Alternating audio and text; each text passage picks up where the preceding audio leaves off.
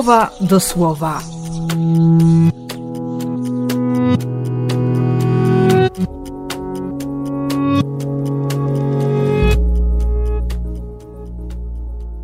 Jedenasty marca, sobota.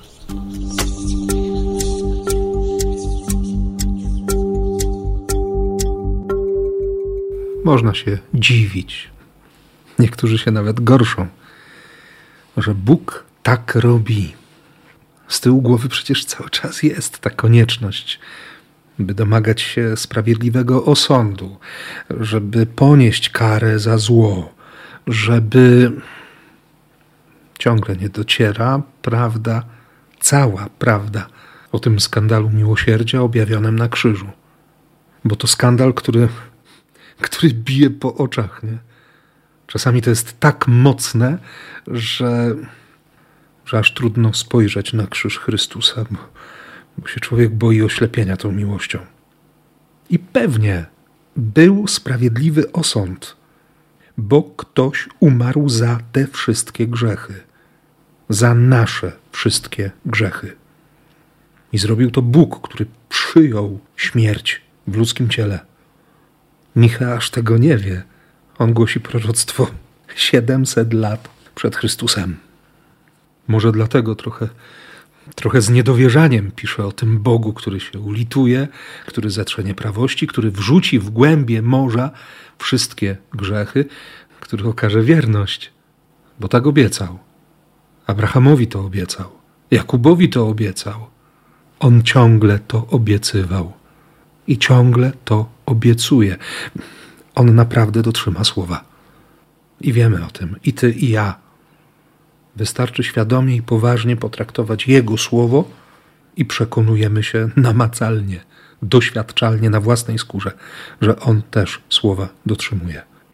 Oczywiście On jest wierny swojemu słowu, a nie temu, co, co my mu próbujemy czasami wmówić, bo On zbawia.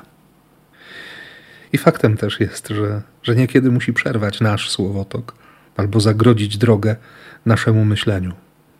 Tak jak dziś w Ewangelii, w tej opowieści o, o miłosiernym ojcu. Tak, o tym skandalicznie miłosiernym ojcu, który przyjmuje młodszego syna. Ten wcześniej upłynnił wszystko, co, co otrzymał. Zrobił się asotos, to znaczy wszedł w takie szambo, w takie bagno, które odbierało szansę zbawienia. On nie chciał zbawienia, on był poza możliwością zbawienia. Pierwszym krokiem było wyrzeczenie się ojca. Daj mi już teraz tę część majątku, która przypadłaby mi w spadku po Twojej śmierci. Więc gdy głód nie tylko zajrzał w oczy, ale naprawdę grał już całe symfonie w jego kiszkach, to to mówi: Ogarnę się. Wrócę do mojego ojca, bo robotnicy, bo najemnicy, oni tam mają co jeść. Więc powiem: Zgrzeszyłem i przeciwko Bogu, i względem Ciebie. Nie jestem godny nazywać się Twoim synem, więc mnie uczyń jednym ze swoich robotników. A ojciec?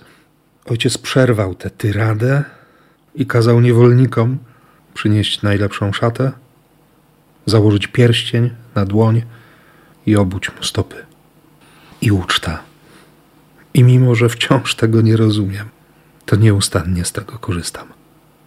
Jestem jak jeden z tych braci, czasem młodszy, czasem starszy. I wciąż wiem, że ojciec będzie tłumaczył, będzie przytulał, będzie przebaczał, wciąż będzie dzielił się życiem bo nie o majątek czy część majątku, dziedzictwa chodzi. U Łukasza po grecku jest to wyraźnie zaznaczone. Ojciec daje życie. Więc i Tobie, i sobie życzę, by życie się w nas objawiało i byśmy nigdy ani sobie, ani nikomu innemu nie odmówili prawa do tego życia, które dzień w dzień otrzymujemy. W imię Ojca i Syna i Ducha Świętego. Amen.